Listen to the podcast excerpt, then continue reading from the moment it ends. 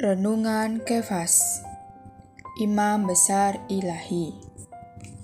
Ibrani pasal 7 ayat 25 Karena itu ia sanggup juga menyelamatkan dengan sempurna semua orang yang oleh dia datang kepada Allah sebab ia hidup senantiasa untuk menjadi pengantara mereka. Pada Kristus, imam besar yang rajani ini, tidak ada ketidakbenaran maupun persektaan. Yang ada hanyalah kebenaran, keadilan, dan kedamaian. Pada Kristus, imam besar yang ilahi, tidak ada maut.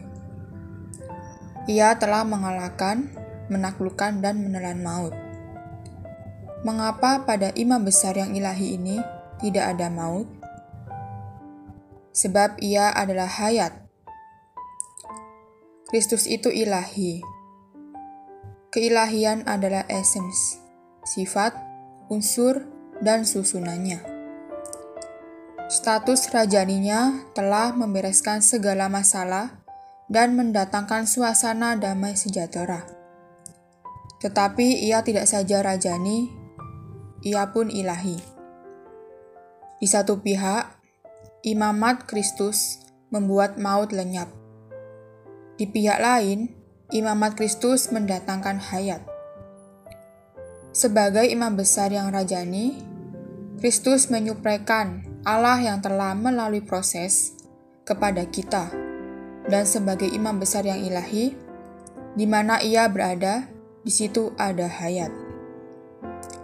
Sobat Kefas, imam besar ajaib yang menurut aturan Melkisedek menjadi imam bukan berdasarkan peraturan-peraturan manusiawi milik daging, tetapi berdasarkan kuasa hidup yang tidak dapat binasa. Sebab hukum Taurat sama sekali tidak membawa kesempurnaan.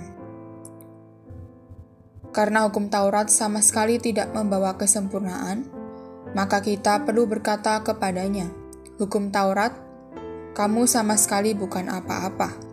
Dan tidak ada gunanya bagi manusia. Hukum Taurat, menyingkirlah dariku.